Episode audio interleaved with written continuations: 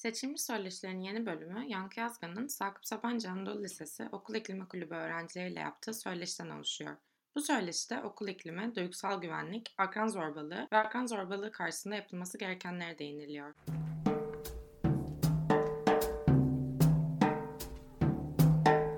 Şunu sormak istiyoruz. Okul iklimi nedir? Ee, bir okulda niye böyle bir kulüp var? Birincisi okul iklimi aslında bir e, okulun birçok unsurunu, birçok element, birçok parçasını e, toptan tanımlamak üzere geliştirilmiş bir kavram. Yani bir kavram aslında ve de temelde de kişilerin kendilerini e, güvenli ve güvende hissettikleri, kendileri olma e, olmalarından ötürü herhangi bir e, ayrımcılığa uğramadıkları, kendileri olmaktan dolayı görüşlerinden, düşüncelerinden, tarzlarından ötürü e, herhangi bir şekilde farklı muamele görmedikleri bir ortam oluşturma mantığıyla ortaya çıkmış.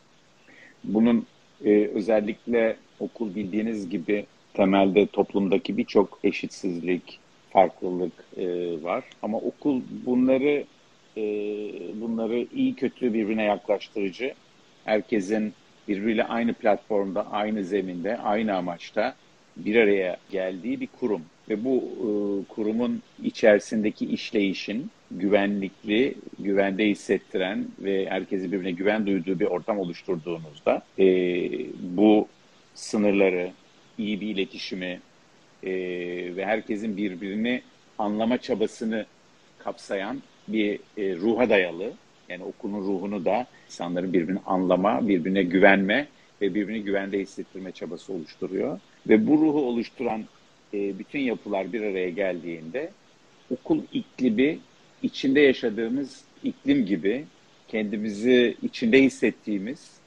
nasıl olduğunu fark etmeden ama her anımızı etkileyen bir ortam yaratmak. Aslında okul iklimiyle kastedilen. Yani kulüp niye var? Kulüp e, okul iklimi kulübü öğrencilerin oluşturduğu ve biz okul ikliminin özünü insan sosyal duygusal gelişim ilkelerine dayandırıyoruz. Okul iklim kulübü öğrencilerin özellikle okul iklimini ılımlı ve olumlu tutmak amaçlı neler yapabileceğini araştırmak üzere kurulmuş bir tür laboratuvar kulüp. Ne yapabiliriz sorusu. Yani hazır bir müfredatı, hazır bir eğitim programını uygulamak üzere değil, öğrencilerin bu konuda neler yapabileceklerini, katkılarını sağlamak üzere oluşmuş bir kanal. Güvenlikten bahsettiniz okul ikliminde. Okulda duygusal güvenlik nedir? Bunu bizim bizim için biraz açabilir misiniz acaba? Kendi güvende hissetme ve bu özellikle duygularıyla ilgili yani yaşadığı hissettikleriyle ilgili bundan dolayı bir güvenliğinin etkileneceğini düşünmeme, ne düşündüğü, ne hissettiği, nasıl davrandığıyla ilgili olarak bunun sonuçlarının kendisini tehlikeye sokacak ya da kendisine bir risk getirecek durumda olmaması. Yani güvenlik duygusu çünkü bizim zihnimizin ihtiyacı olan bir durum. Ne yaşadığımızı, hissettiklerimizi, hissettiklerimizin adını koymamızı da genelde güvende hissettiğimizde ancak mümkün oluyor. Güvenli hissetmediğiniz takdirde, yani güvende hissetmediğiniz takdirde sadece tek bir duygu hakim olur. Bu da korkudur. Korkunun egemen olduğu iklimde de diğer duygular bizim üretmemize, sevmemize, oluşturmamıza hizmet edebilecek e, düşüncelerimizin itici gücü olan duygulara yer kalmaz. O nedenle duygu güvenliği kavramı öncelikle kendimizin farklılığı, kendine özgürlüklerinin bize bir tehdit olarak geri dönmeyeceğini düşündüğümüz anda korku duygusu dışındaki duygulara da hayatımızda yer açılır. Ve bu duyguları farkında olmamızı, yani çok daha renkli, kapkara bir dünyayla renklerin olduğu bir dünyayı düşünün, kıyaslarsak. Güvenli bir ortam, bütün renklerin bir arada olabildiği, birbirine karışmasının şart olmadığı ama yan yana olabildiği durumu e, yansıtır. Biz okulda öğrenciler olarak bu duygusal e, güvenliği korumak için ne yapabiliriz? Birçok birçok yol var ama şimdi, şimdi tıbbın bir yöntemi var. Yani hastalıkları anlama, dertleri çözme ya da bir fonksiyonu anlamak için o fonksiyonun bozulduğu durumlardan giderek fonksiyon nasıl olduğunu anlıyor. Bizim de sizin sorunuza yani sizler ne yapabilirsiniz, alanda ne yapmalıyız sorusuna cevap ararken bu konudaki bilimsel araştırmalarda güvenliğin en çok bozulduğu durumlar araştırılıyor. Güvenlik, duygusal güvenliği insanların hissetmediği durumlar nelerdir? Örneğin zorbalık olan okullar. Zorbalığın adeta norm sayıldığı bu ortamlara baktığımızda hangi hatalar yapılıyor? neler oluyor baktığınızda aslında sosyal duygusal gelişime önem verilmeyen, okul ikliminin olumlu olup olmamasının önemsenmediği daha ziyade tek taraflı bir kontrol sisteminin korkuyla kurulduğu ortamlarda bunu.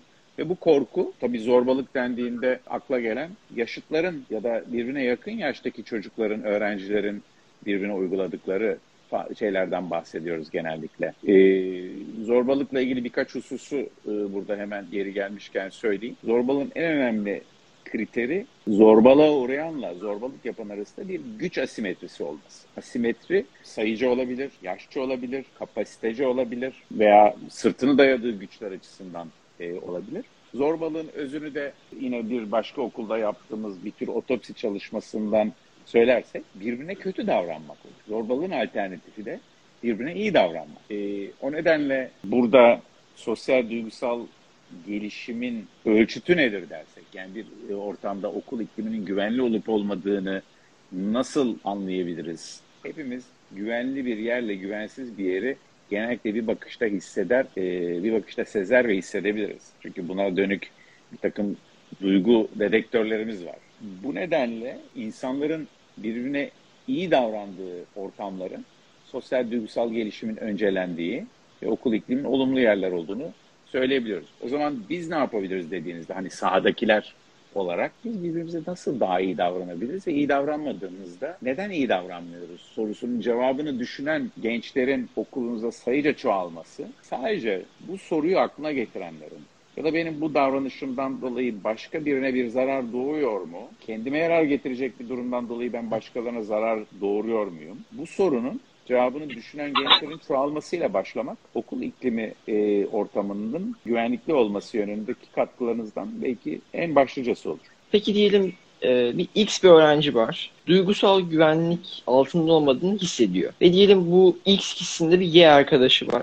Ve bu Y arkadaş bu durumda bu X kişisine nasıl yardımcı olmalı? Yani bu e, güven tekrardan nasıl sağlamasına yardım etmeli? Ama bunu e, duygusal güven hiç olmadığı bir okuldan ziyade kısmi olduğu bir okul diyelim. Diyorsun ki bu X'in kendine özgü bir fazladan kırılganlık Hı-hı. noktaları var. Fazladan bir sorunu var. Fazladan evet. bir mek. Okulun yani okul iklimi olumlu olduğu halde bu arkadaşımızın e, kendini rahat hissetmediğini görüyorsun. Mesela nasıl bir ipucu gördün diye sorsam o arkadaşın da. Mesela çok konuşmaz yani daha içine kapanık davranmayı tercih eder. Çevresine göre daha böyle sanki e, görmez bir kalkan olur çevresinde. Kendini böyle koruduğunu düşünür. Yani bir tabiri caizse bir deve kuşunun kafasını kuma gömmesi gibi. Hmm. Şimdi burada birkaç şey var. Sosyal duygusal gelişim, okul iklimi ve ruh sağlığı bunlar bir saç ayak. Yani okul iklimi içinde e, olduğumuz, adeta soluduğumuz havanın temizliği gibi bir şey. Ama kendi yaşamımızda beraberimizde getirdiğimiz, geçmişimizden getirdiğimiz özelliklerimiz var. Hiçbirimiz birbirimizin aynısı değiliz. Zaten aynısı olmamaktan dolayı bir ayrı, ayrımcılığa tabi olmamamız gerektiğini konuştuk. Ee, ama bazen bu farklı e, olma kişinin kendisinin de arzu etmediği bir noktaya varabilir. Yani ben örneğin insanların işte ateşinin çıkması bir farklılıktır ama bu farklılığı biz farklı olarak tutmak istemeyiz. Çünkü o kişiye zarar verecek düzeye ulaşmış bir e, durumdur. Bazen insanların ruh sağlıkları bozulabiliyor. Bu sadece okul ikliminin toksik etkileri olduğu olan ortamlarda değil, e, başka sebeplerle de olabiliyor.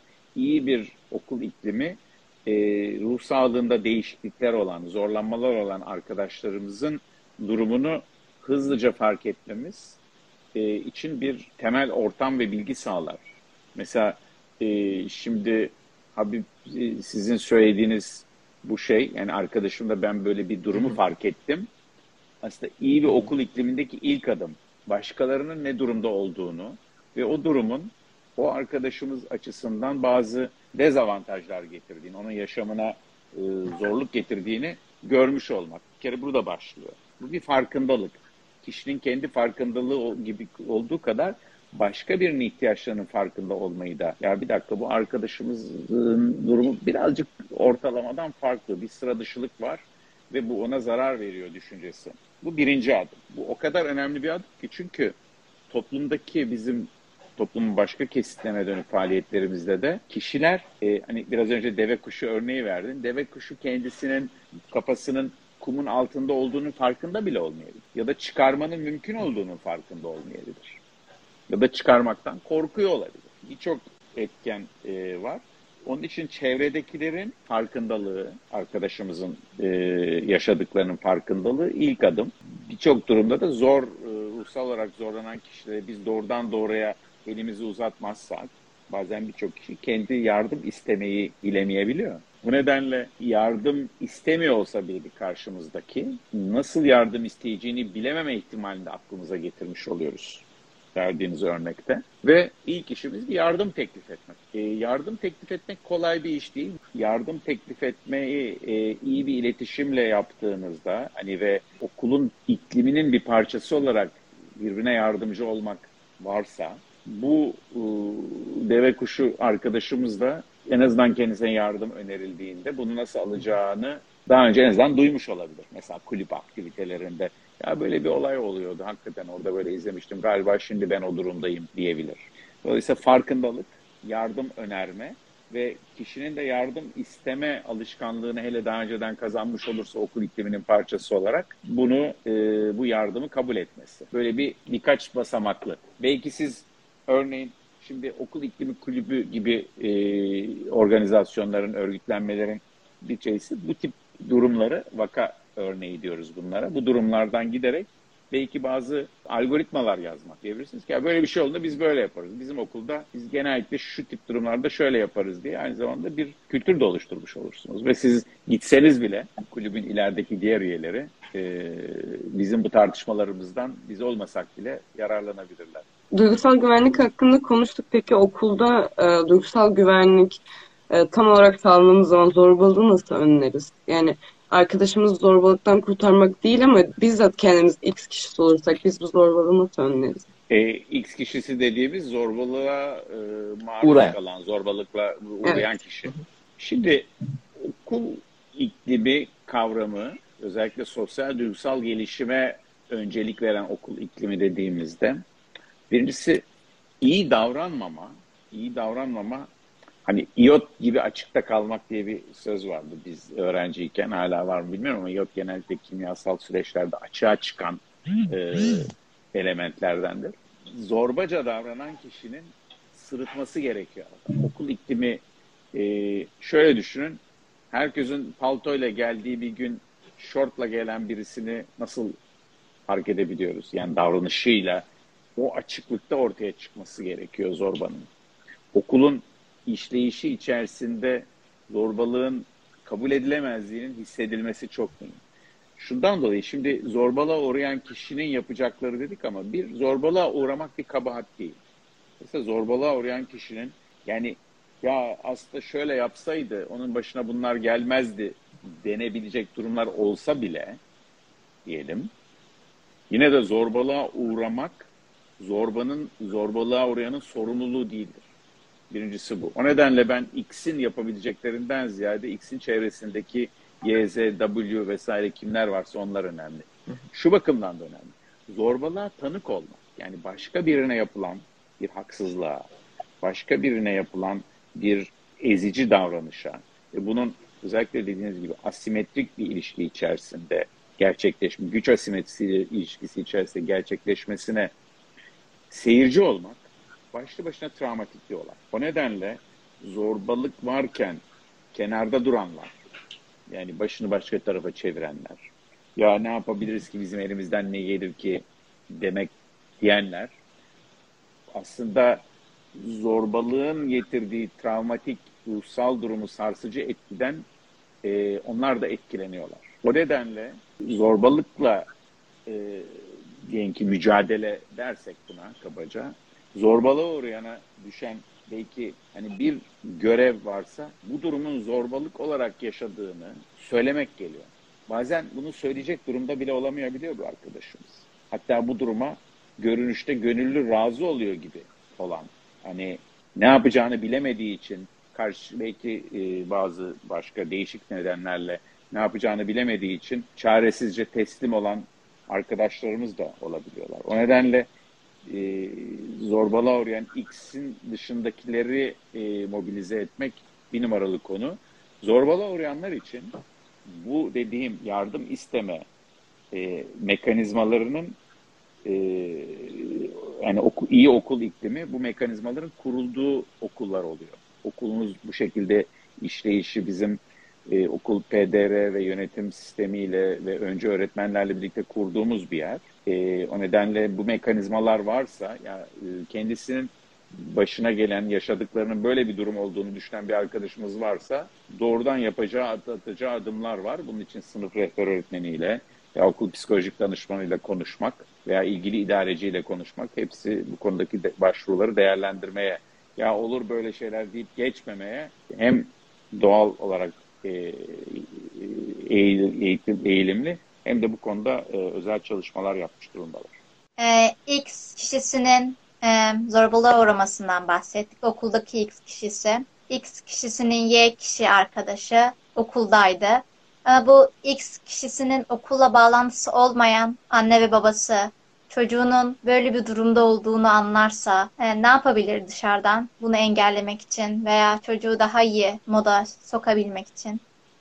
Şöyle anne babalar tabii yaş büyüdükçe özellikle e, anne babaların okul hayatındaki rolü e, daha arka plana kayıyor. Yani okulun içerisinde olan biten e, dışındaki e, ama olayın sonuçlarını görmek, konuda bir kuşkuları çocuklarıyla e, yakın iletişimi olan, çocukların e, en azından kendi, kendi mesela zorbalı uğrayan çocuklar içerisinde en avantajlı olanlar en azından kendilerini evlerinde güvenli hisseden çocuklar. Evlerinde güvenli hissettiklerinde burada e, ev iklimi iyiyse yani oradaki şeyde bakarsak ev iklimi iyiyse çocuğun yardım isteyebilecek kişilerden başlıcaları da anne babalar, bazı gençler ve çocuklar anne babalarına bu konudaki e, sıkıntılarını aktarmakta zorlanıyorlar.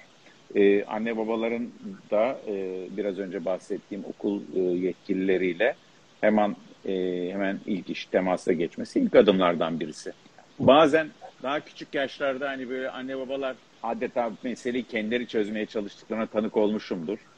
Hani gidip e, vay sen benim çocuğuma nasıl böyle ediyorsun mesela bu tip şeylerin e, uygun olmadığını e, hani adaleti kendi elleriyle sağlamaya çalışmak diyelim buna bunun bir sistemik çözümle halledilmesi gerektiğini bir numaralı konunun zorbalığın tespit edildiği anda üstüne gidilmesi ama temel konunun ise okulun zorbalığa sıfır hoşgörüyle bakan bir yer olması durumunda ve okul ikliminin pozitifliğinde zorbalığın da azaldığını biliyoruz. Yani zorba, zorba olmak çok zor oluyor. Öyle diye düşünün. Yani o nedenle e, zorbalığı sistemin üretebildiğini ve beslediğini, yani zorbaların yani kişisel olarak bazı insanların davranış tarzları e, daha acımasız veya daha kendini önceleyici olabilir. Ama okul iklimi buna göre düzenlendiğinde bu yatkınlıklar olan bireylerin dahi zorbalık fırsatı bulamadıklarını söyleyebilirim. Ahmet Hamdi Tanpınar'ın mesela e, şöyle bir sözü vardı. Haksızlığı her kabul ediş daha büyüğün doğurur diye. Bu zorbalıkta da geçerli mi? Yani zorbalığa bir kere göz yummak o zorbanın e, yaptıklarını sürekli arttırmasına sebep mi olur yoksa e, bir süre göz yumarak bu zorbalığı engellemek için adım atabilir miyiz? E, zorbalığa göz yummak kesinlikle düşünmememiz gereken bir seçenek. O nedenle e, orada Ahmet Hamdi Tanpınar'dan atfen söylediğiniz e, alıntı her türlü kötü davranış için geçerli. Yani birbirimize kötü davranma hakkımız yok. Efendim ben kötü davrandım işte kaba da yani hakkımız yok diyorum. Kötü davranmış olabiliriz. Yani melek değiliz yani o anlamda baktığımızda ama kötü davranmamayı, iyi davranmayı hedef seçtiysek, iyi davranmayı hedef seçtiysek bu dediğimiz durumları bir hak olarak görmemek önemli. Çünkü bazı insanların özel örneğin mesela eşitsizliğin ve zorbalığın hakim olduğu durumlarda bazı kişiler kendilerini başkalarına kötü davranmaya davranmayı hak biliyorlar. O nedenle kendilerinin haklı olduğunu düşünüyorlar. Bazı kişilerin böyle davranılmayı hak ettiğini düşünüyorlar. Bu bir eşitlikçi ve barışçı bir okul iklimi oluşturduğunuz zaman, pozitif okul iklimi bu demek, her bireyin e, varoluş hakkını tanıdığınızda, korkutmanın bir okul toplumunu ya bireyleri tek tek kontrol etme aracı olarak kabul etmediğinizde zaten olumlu bir okul iklimi doğmuş oluyor. Aileler için de aynı şey. Bu arada aileler diyebilir ki yani bunlar bizim için de geçerli değil mi? Tabii ki geçerli. Yani korkutularak büyüyen çocukların, e, değişik korkularla büyütülen çocukların gelişimlerinde biz onların zengin düşünceler kazanmalarını, problem çözüm becerilerini e, geliştirmelerini, güçlüklere, zorluklara dayanma kabiliyetlerini arttırmalarını sağlayacak diğer duygulara izin vermiyoruz.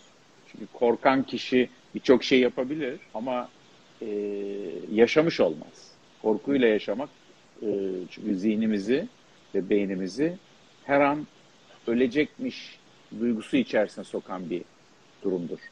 Ve bu da sürekli olarak hayatta kalma vitesinde davranışlarımızı belirler.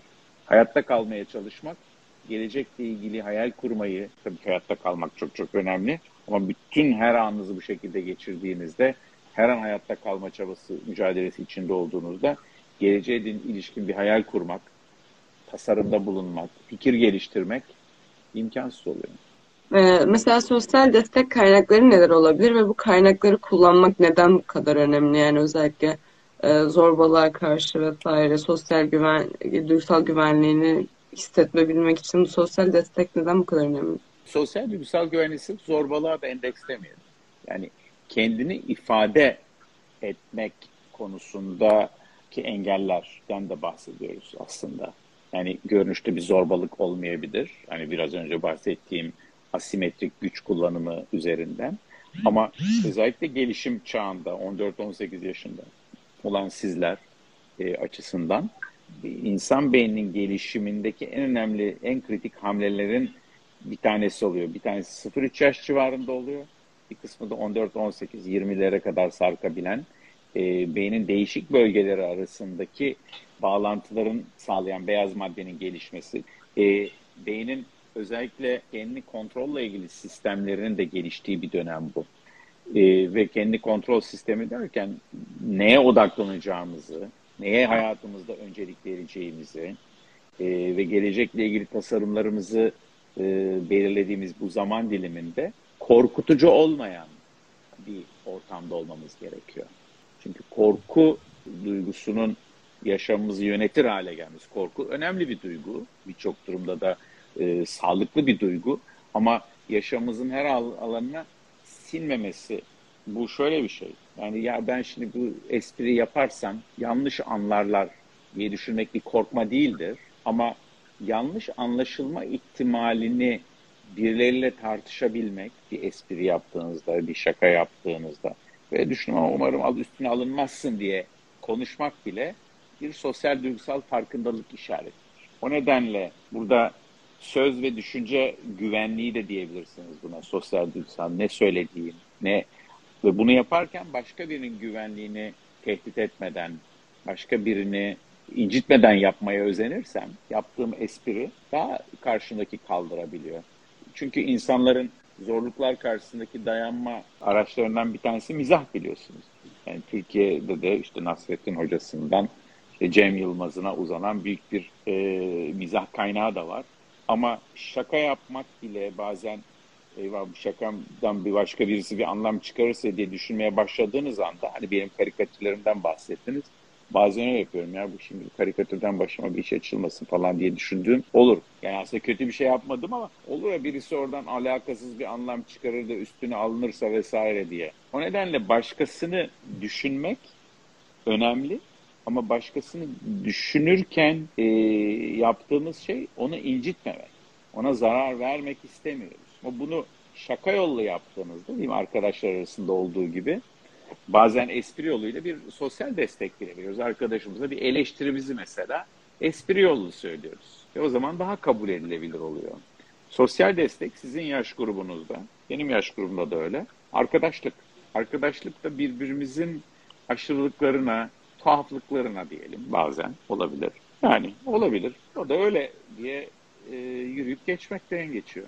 Hep bir zorbalığa uğrayanla e, ilgili konuştuk ama mesela herhangi bir film izlediğimizde orijinal süper kahraman filmleri gibi ve bir her zaman bir süper kötü olur ve bu genelde zorbadır. Ama biz ne zaman o zorbanın geçmişine baksak ee, onun da zorbalığa uğradığını görürüz. Onun da ezildiğini görürüz. Yani zorbalığa, zorbalığı yapan kişiyi değiş, nasıl değiştirebiliriz? Ee, bu her zaman zorbalığa uğrayan kişinin geçmişteki travmaları yüzünden midir? Bu süper kahraman filmlerinde aslında değil mi? O şeyde oyuncak hikayesindeki ayının e, geçmişi gibi ya da Evet. şimdi şöyle bir şey tabii ki iki çeşit zorbalık var.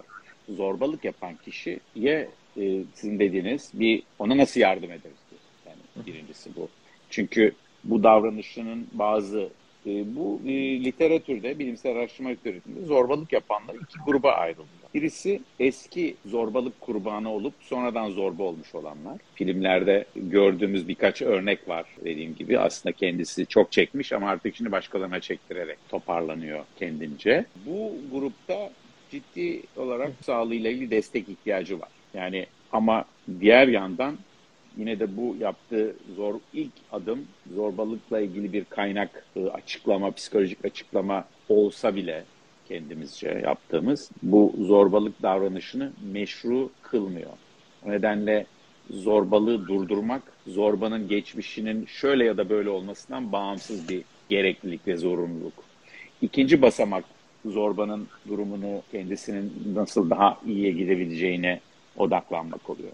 Çünkü bir kısım zorbalık yapan gençte de hiçbir ne travmatik öykü ne de bir ruh sağlığı ile ilgili bir sıkıntı e, gözlenmiyor. E, ve bir kısım zorbanın e, liseli yılla, lise yıllarından sonra da e, bu davranışı sürdürme eğiliminde, iş hayatında ya da başka yerlerde sürdürebildiklerini görüyoruz. Diğer yandan meydanı boş bırakmadığınızda yani sistemin iyi işlediği, bu tür davranışların hoş görülmediği, altta kalanın canı çıksın denmediği koşullarda zorbalığa fırsat doğmaması ana e, kurtarı kurtarıcı koruyucu oluyor.